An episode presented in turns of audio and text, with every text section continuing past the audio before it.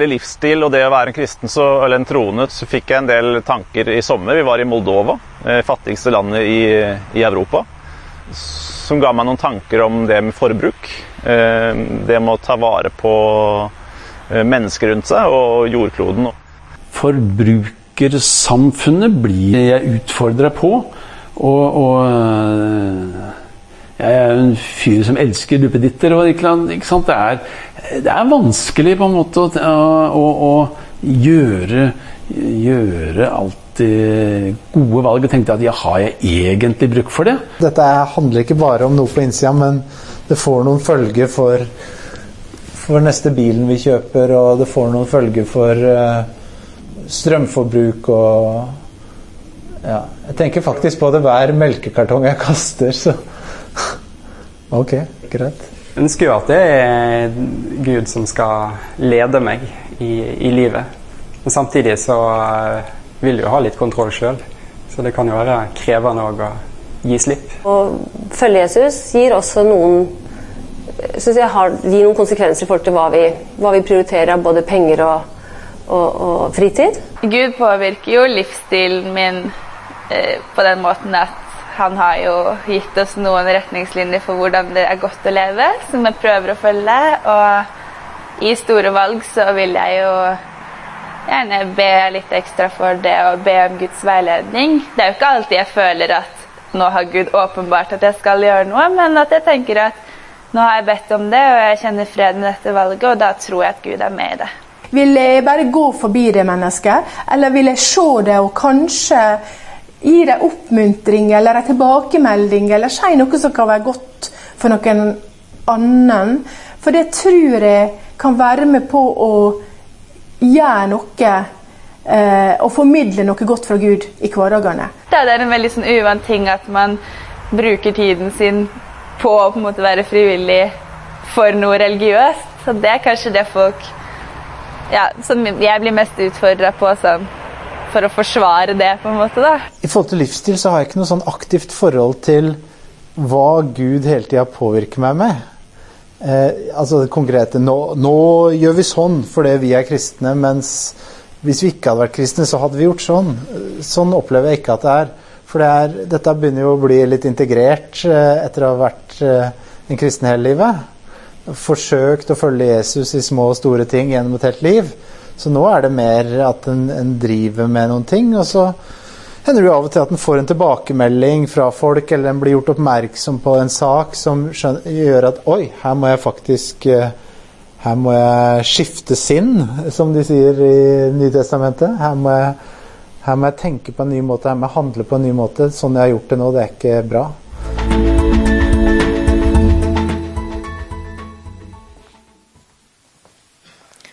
Ja, det var, det var, siste gangen vi fikk høre tankene til dette fine utvalget av uh, norske disipler, eller lærlinger av Jesus, som har fulgt oss i høst i temaserien om å følge Jesus. Det er mye å både kjenne seg igjen i og strekke seg etter. er det ikke det? Jeg synes i disse tankene som de gjør seg om en kristen livsstil. Flere var opptatt av forbrukersamfunnet.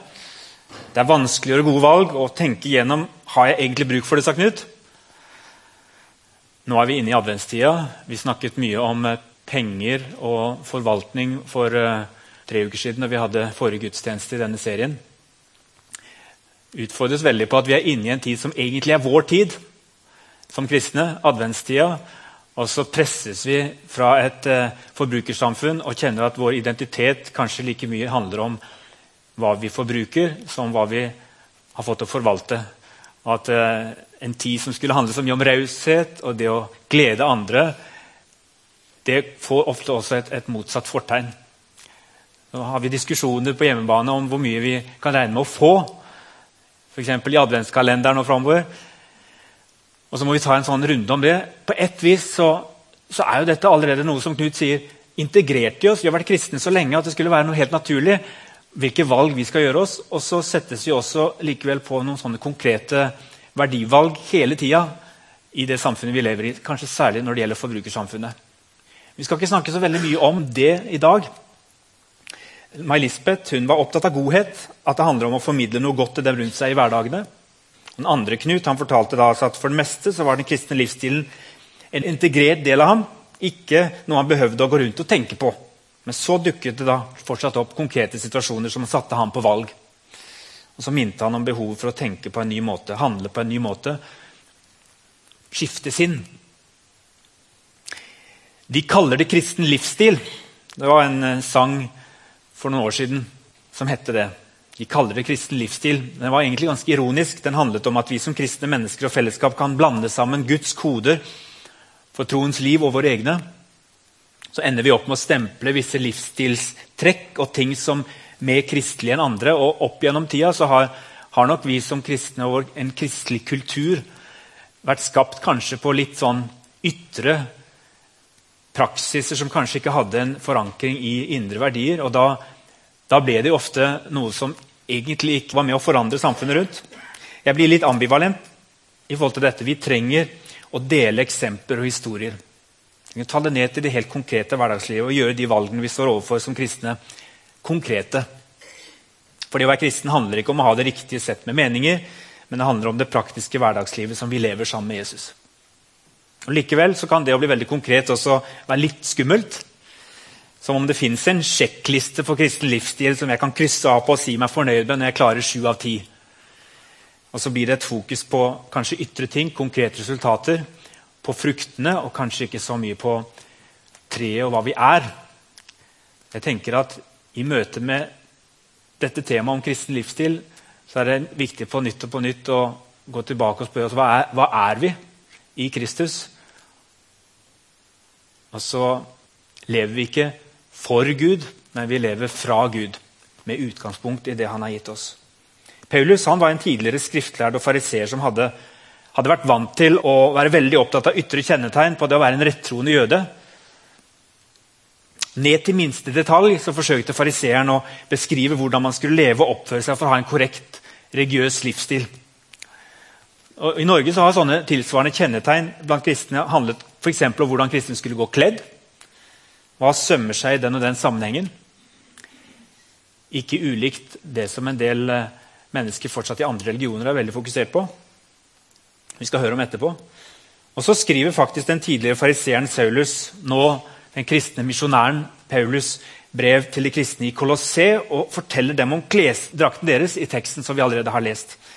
Kle dere i, sier han. Men eh, så er vi spent på hva som kommer av forordninger. Hva slags type klær skal de ha på seg? Så viser det seg at det bare er et billedspråk. Det han ber om, er mye vanskeligere enn å kle seg sømmelig. Han beskriver et annerledes folk, men det går så mye dypere enn ytre klesplagg. Hadde det bare vært så enkelt. Bare hør. Her er ikke greker eller jøde, omskåret eller uomskåret, barbar, skyter, slave eller fri. Nei, Kristus er alt og i alle. Dere er Guds utvalgte, helliget og elsket av ham. Der ligger utgangspunktet. Kle dere derfor i inderlig medfølelse og vær gode, milde, ydmyke og tålmodige. Så dere bærer over med hverandre og tilgir hverandre hvis den ene har noe å bebreide den andre. Som Herren har tilgitt dere, skal dere tilgi hverandre. Og overalt dette, kle dere i kjærlighet, som er båndet som binder sammen og gjør fullkommen. La Kristi fred råde i hjertet, for til det ble dere kalt da dere ble én kropp. Vær takknemlige. La Kristi ord få rikelig rom hos dere. Det er disse klærne vi skal ha i garderobeskapet når vi følger Jesus i hverdagslivet. Her er verdiene som skal få prege våre valg. I hvert fall mange av dem. Og Noen av dem vil være som Knut sa, helt naturlig integrert i livet vårt. Og Vi skal kanskje ikke gå og sjekke oss selv hele tiden og sammenligne oss men det var nok en grunn til at Paulus hadde behov for å minne sine brødre og søstre i Colosset på dette. Kristus er i dere. Han elsker dere med så stor kjærlighet. Som en naturlig følge av dette, ta på dere de nye klærne dere nå har fått. Ikke la de ligge i garderobeskapet og av vannværet ta på, de, ta på de gamle klærne igjen, som, som vi så lett gjør, som dere hadde før Jesus kom inn i livet. I møte med de konkrete situasjonene, vær bevisst på hvilke klær dere faktisk tar på dere, for dere har dem tilgjengelig. Av og til er det aktive valg. Jeg har ikke tenkt å, å, servere dere mange teologiske meninger om dette tekstavsnittet til Paulus. Det, for det er jo egentlig bare så skremmende enkelt og like fram. og derfor også vanskelig å snakke om. Men jeg skal gi dere noen fortellinger. Jeg velger å gå i første omgang til Egypt og la Egypt-fortellinger få lov til å utfordre og inspirere oss. Fordi Vi har hatt et fokus på Egypt nå siste halvannen uken. Vi hadde besøk av disse to eh, som vi er med og støtter gjennom Åpne dører i Egypt. Kristin og Dina. De var med oss på gudstjeneste forrige søndag. Og vi hadde også et møte med dem mandag kveld. Noen av fortellingene har jeg lyst til å ta med videre her i gudstjenesten i dag. Noen fortellinger som egentlig handler om kristen livsstil og klesdrakt. Holder de opp som et speil for oss til inspirasjon og utfordring? Vi kan ikke offentliggjøre bilder av eh, Kristin og Dina på nettsider eller Facebook-side. De ønsker ikke å bli direkte kobla til et bevisst misjonsarbeid for å unngå problemer med enkeltmennesker og grupperinger i Egypt som aktivt motarbeider sånn virksomhet. Men de arbeider for organisasjonen Åpne dører i Egypt, som vi støtter. Der opererer virksomheten under et annet navn. Kristin er eh, sosionom, Dina er jurist. Og De fortalte om forskjellige ting. De fortalte om sitt eget hverdagsliv. Og Noe av det de snakket om, handlet om klesdrakt. Som kristne så ønsker de å være bevisste på at det ikke er viktig hvordan man kler seg og, og, dekker seg til. Og Det er en del av den friheten som de har opplevd å få lov til å være en kristen. Og De vil kunne se på noe av det som muslimske kristne rundt dem, majoritetskvinnene, lever som et uttrykk for undertrykkelse eller et uttrykk for å ikke leve i frihet. Og Derfor er det viktig for dem å kunne holde på det, holde fast på det. Men det fører jo også til eh, en del utfordringer. Vi tar det neste. Sånn ser det ut på gata i Egypt med de aller fleste som kler seg blant kvinnene med spesielle klær. Noen er mer tildekket enn andre. som dere ser. Og så ser vi hvordan det er lett å se hvem som er kristen blant de andre. Litt sånn med motsatt fortegn i forhold til hva muslimer opplever i Norge. For Kristine eh, og Dina var dette helt konkret. Et eksempel var hvordan hun, Dina hadde vært på metroen. og Det har vært ganske store spenninger mellom kristne og, i, i, Egypt de siste årene. og En av de utfordringene har vært hvordan kristne egentlig oppleves som en provokasjon bare i, i kraft av sitt synlige nærvær i gatebildet. Så Hun hadde sittet inne på metroen, så hadde en, en muslimsk mann kommet og tatt henne i håret gjennom vinduet fra utsiden og holdt i det. og Så begynte metroen å gå, og han hadde sprunget litt etter og holdt henne i håret før han hadde sluppet det. Det man ville kalle for trakassering i Norge. Eksempel på det samme her midt på gata. Noen har fått tatt et bilde av, av hvordan eh, en midt på gata kan gå gjennom, eh, gjennom, en flokk med gutter eller menn som føler de, de har en slags frihet til å måte, gjøre litt sånn som de vil, når, eh, når det er mennesker som velger å å kle seg sånn som de opplever usømmelig i sin region. Det er større konsekvenser enn dette. Søsteren til Dina, som er utdannet lærer med gode karakterer, hun, eh, hun har i flere år blitt effektivt holdt utenfor skolesystemet, utenfor en jobb, fordi det ikke står i passet hennes at hun er kristen. Og så er det situasjonen for, de, for kvinner generelt i de fattige bydelene og på landsbygda i Egypt. Svært mange analfabeter får ingen anledning til å lære å lese og skrive. Leseopplæringsprosjektet for kvinner på landsbygda som vi i Bymenigheten er med og støtter, der har de starta, der starta i begynnelsen i 2004 med ti undervisningsgrupper for kvinner. Og nå er det 250 sånne klasser med rundt 4000 kvinner til enhver tid. Og fordi kvinnediskriminering er likelig fordelt på et vis. har, de fortalte oss at det er mer et kulturelt trekk enn bare et religiøst trekk. Så er det i første rekke kristne kvinner som har fått dette tilbudet, som ellers ikke ville få leseopplæring, som ville fortsette å være analfabeter ute på landsbygda. Kirka tar tak i det og sier hør, sånn som vi opplever og forstår evangeliet, og leser det nå, så opplever vi at dette er galt. Kristne kvinner må få denne muligheten. Og så, og så starta det med kvinner som hadde kristen bakgrunn. Og så har de invitert med seg muslimske kvinner som, som spurte dem hva er det dere har fått muligheten til. Går dere på det kurset? Er det noe vi også kan få lov til? Og så har de startet eh, grupper som har både muslimer og kristne eh, i samme leseopplæring. Og Bibelen den brukes åpenlyst i leseopplæringa. og Slik bidrar også prosjektet til å bygge ned barrierer mellom kristne og muslimer. Og Kristne viser at de ønsker at alle egyptiske kvinner skal få de samme mulighetene som de nå får. Her er ikke greker eller jøde, omskåret eller uomskåret, barbar, skyter, slave eller fri. Nei, Kristus er alt og i alle. Er det bare våre egne nærmeste vi skal tilgi, bry oss om på denne måten? Er det bare vår egen familie, de som hører til vårt fellesskap, vår stamme? Det er et spørsmål som de kristne egypterne må stille seg daglig. I dette leseopplæringsprosjektet så utvider de visjonen til å dreie seg også om muslimske kvinner som, og naboer, og prøver å, å, bygge ned barrierene. Og så ser vi at eh, vennskap dannes, og at eh, kristne får lov til å bety noe aktivt i samfunnslivet. Men så fortsetter de og så reflekterer de også mye over Jesu ord om å elske sine fiender. I en tid der det har vært større og større økte spenninger, mye hatefulle ytringer i forbindelse med revolusjonen som har vært i Egypt, så stilles de kristne på et valg. Hvordan forholder vi oss til den motstanden som vi møter? Et eksempel på dette var at de fikk barn i den evangeliske menigheten i Kairo til å stille seg på utsiden av moskeen etter en muslimsk høytid. I en muslimsk høytid. Og når barna kom ut, så fikk de blomster av de kristne barna. Og de gratulerte dem med, med deres muslimske høytid. Og Dina hun fortalte sist søndag om gutten Nina som hadde blitt mobbet på skolen fordi han hadde Bibelen som sin hellige bok. Så kom han på sommerleir og lærte både å sette pris på Bibelen sin og ikke være flau av den. Men han lærte også om at Jesus ba sine disipler om å elske sine fiender og de som forfulgte dem. Så gikk han tilbake på skolen og så tok han valget om å fortelle de andre om det han hadde lært på sommerleiren. Jeg er stolt av Bibelen min. Jeg tror fortsatt på den. Jeg tror at det er en hellig bok. Jeg er glad i dere uansett om dere sier at min bok er falsk. Og jeg ønsker å være deres venner uansett hva dere sier. Og så forteller de om en, eh, en forferdelig handling her for et par år siden da, da en, eh, en, kristen ung jente eller ung kvinne ble drept utenfor kirka av eh, noen som kom kjørende forbi og, og skjøt mot en mengde.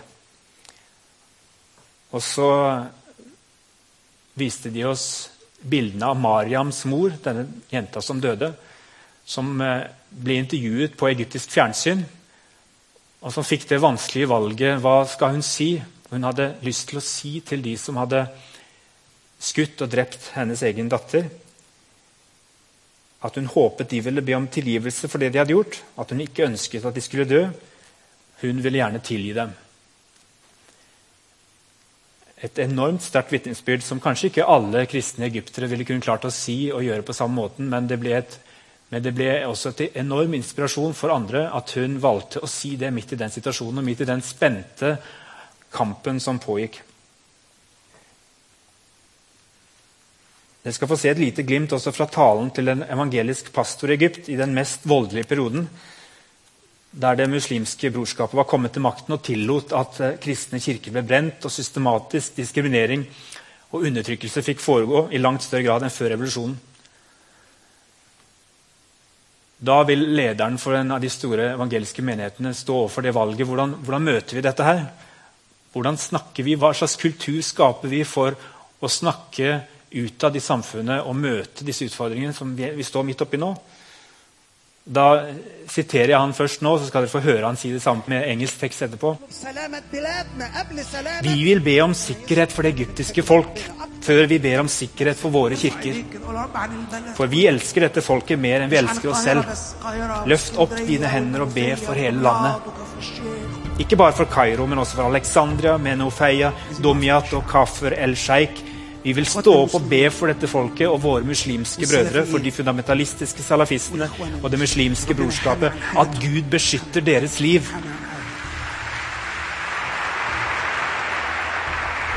Må ikke blod bli utgitt fra dem, må ingen sjeler gå fortapt, må ikke flere menneskeliv gå tapt. Vi vil stå opp og be for dette folket og våre muslimske brødre. Jeg vet ikke hvordan dere ser dette, opplever dette. Det oppleves kanskje som en situasjon som er så fryktelig på avstand fra, fra våre valg og våre utfordringer i vår livsstil at dere kanskje ikke klarer å koble og trekke relevansen inn til vårt, vårt liv. Men jeg tror fortsatt dette handler om aktive valg, velge en kristen livsstil og leve kristne verdier. Selv om det er en situasjon der alt er satt på spissen, så, så forteller det meg noe. Aldri settes våre verdier sånn på prøve som når vi møter motstand, opplever diskriminering og urettferdig behandling. Derfor syns jeg det er fascinerende å se hvilke valg de forsøker å ta, selv om de sikkert ikke alltid klarer det. Og selv om de også fristes til å bli overmannet av hat og frykt i møte med dem som tenker og handler så annerledes. Jeg vet ikke om situasjonen er veldig annerledes i Norge. Hvis vi tar en titt innom debattsidene i ulike aviser, også de kristne, så møter vi nå det jeg vil kalle hatefulle ytringer i møte med annerledes tenkende, troende, praktiserende. Jeg tror vi går inn i en tid der vi som nordmenn overveldes av det som kommer inn fra utsiden, og som forandrer oss veldig raskt. Og Som kristne så kan vi reagere med frykt sinne, mistenksomhet. Og det bikker veldig fort over til hat, nærmest i Guds navn. Det er da jeg tenker den teksten som vi har hørt lest i dag, om hva den kristne klesdrakten handler om.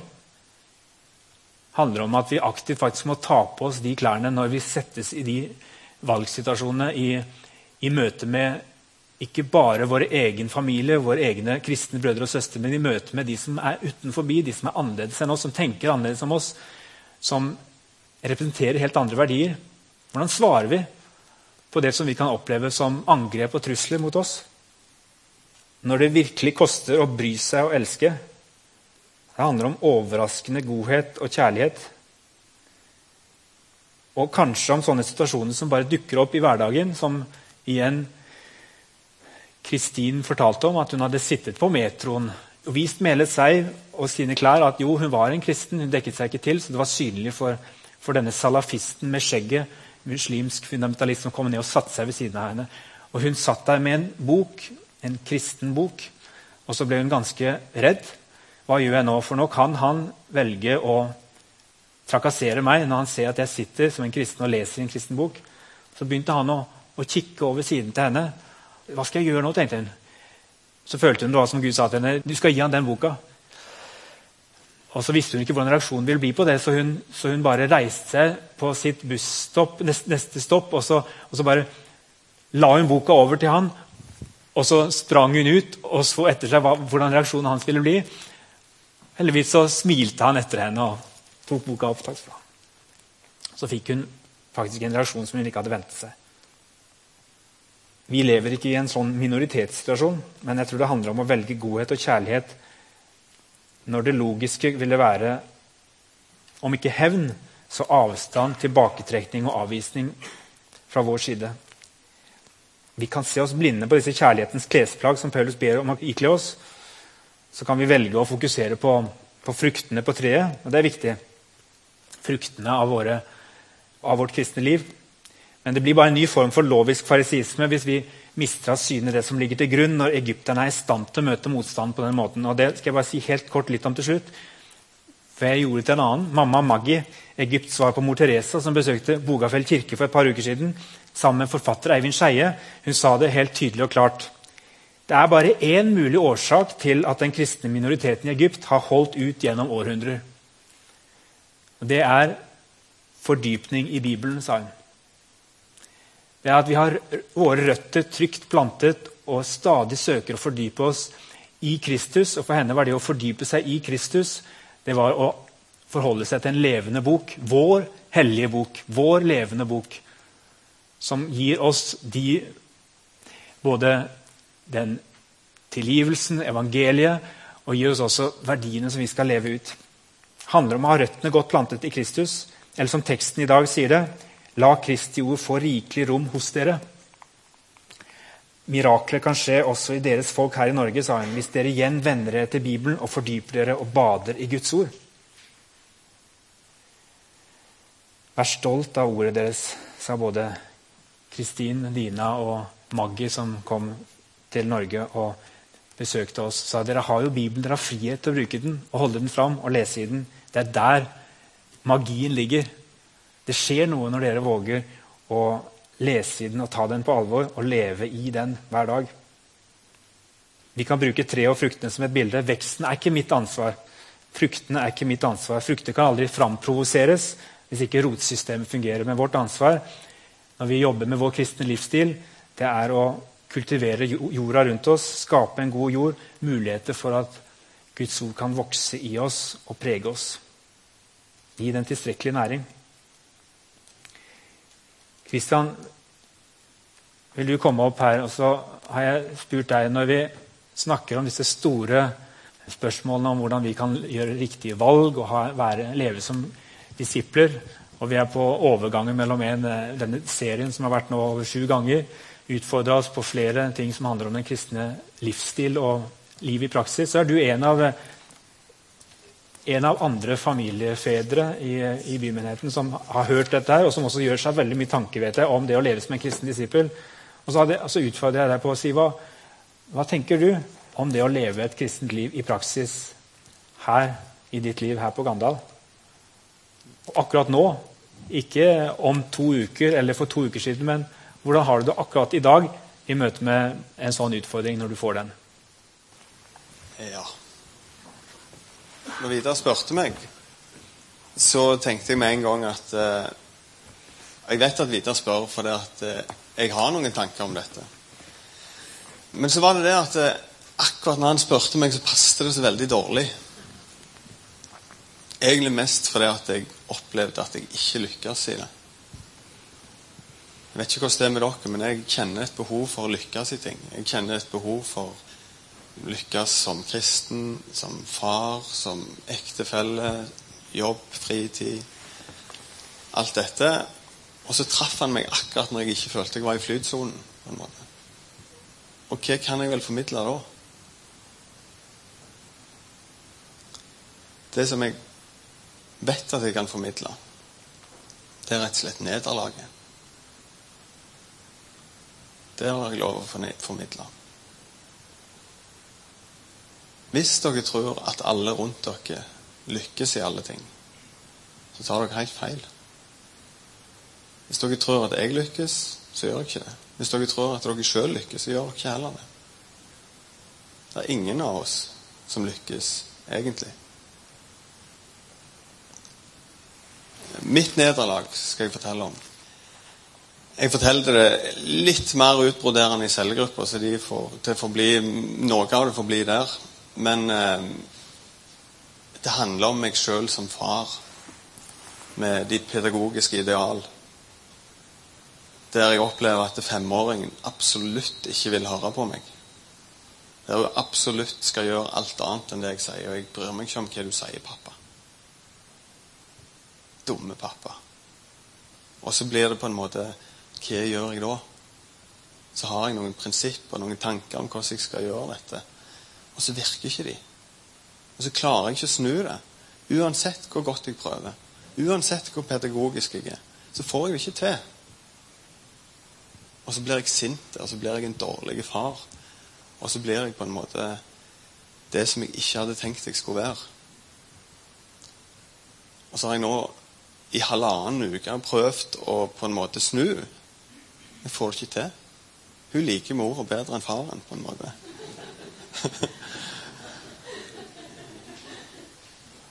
Og Ja, akkurat nå, da. Nei, men jeg Som meg som kristen, jeg tror vi er nødt til å være ærlige om våre svake sider. Vi er nødt til å være ærlige om hva vi ikke mestrer, og hva vi ikke får til. I forbindelse med nattværen så hadde vi synsbekjennelse. Og det ordet som alltid blir sitert i den forbindelse, det er 1. Johannes 1,9. Der står det at eh, dersom vi bekjenner våre synder, så er Han trosprest og rettferdig, så Han tilgir oss syndene og renser oss for all urett. Og så er vi så enormt flinke på fasade. Vi tar på oss søndagsklærne, og så går vi i kirka, og så er alt greit. Og så er det ikke det. Vær helt ærlige. Det er ikke det. Dere vet best hvor og om det stikker hos dere. Men det er sannsynligvis noe. Alle har svake sider. Sånn er det bare. Og jeg er helt sikker på at Gud ønsker at vi skal komme til Han med det. Litt sånn som David. Han hadde tatt til seg Batseba. Sendt Urias ut i krigen for å skjule det han hadde gjort. Og så kommer profeten Natan og sier at du er mannen. Det er du som har gjort dette. Og David han innser hvem han er. I Salme 51 står det at jeg kommer til deg, Gud, med mine feil. Han legger seg bare flat. Ser dere det? Han legger seg helt flat. Og så sier han, 'Jeg kommer til deg, Gud, for at du er en kjærlig Gud, og du elsker meg'. Og det er hele clouet. Det er ikke sånn at selv om jeg gjorde noe, var litt for sint på dattera mi og ropte til henne, så er det ikke sånn at det blir bedre to uker seinere med at jeg på en måte har begynt å glemme glemme det. Jeg må gå til Gud med en gang og si her dreit jeg meg ut. Og Det er ikke heller sånn at jeg på en måte, ja, men det er jo foreldre som slår ungene. Så det at jeg ropte, det var jo ikke så gale. Jo, det var gale. Jeg skulle ikke gjort det. Det er ikke sånn at våre feil eller våre mangler blir noe bedre av at vi sammenligner oss med andre. Men vi må være ærlige med de feilene og de manglene vi har. Det er som jeg pleier å si nytter ikke å pynte på et hus hvis konstruksjonen er råten. Det går ikke, det. Det er ikke vits i. Og en ting til. Det er faktisk knytta løfter til dette med å være ærlige. Dersom vi bekjenner syndene våre, så er Han trufast og rettferdig. Han er trufast og rettferdig hvis vi kommer til Han med dette. Jeg skal lese en annen plass. Jakob 5 står også om å bekjenne syndene. Bekjenn da syndene for hverandre og be for hverandre, så dere kan bli helbredet. Et rettferdig menneskes bønn er virksom og utretter mye. Videre sa det avslutta fortellingene fra Egypt om at vi må gå til Bibelen. Så kanskje vi begynner å se at Gud virker blant oss. Jeg tror at vi må gå til Bibelen og være ærlige. Så kanskje det begynner å skje ting blant oss. Det er to spørsmål som er viktige for meg som kristen. Som kristen far, som kristen ektefelle, som kristen mann. To spørsmål som jeg tenker på om og om igjen. Hva ønsker Gud å si til meg? Og nummer to hva har jeg tenkt å gjøre med det? Takk skal du ha, Kristian. Hva ønsker Gud å si til meg? Hva har jeg tenkt å gjøre med det? La oss bare bruke litt tid nå i, i stillhet, og så skal jeg be en bønn, en sterk bønn fra Efeserbrevet for oss.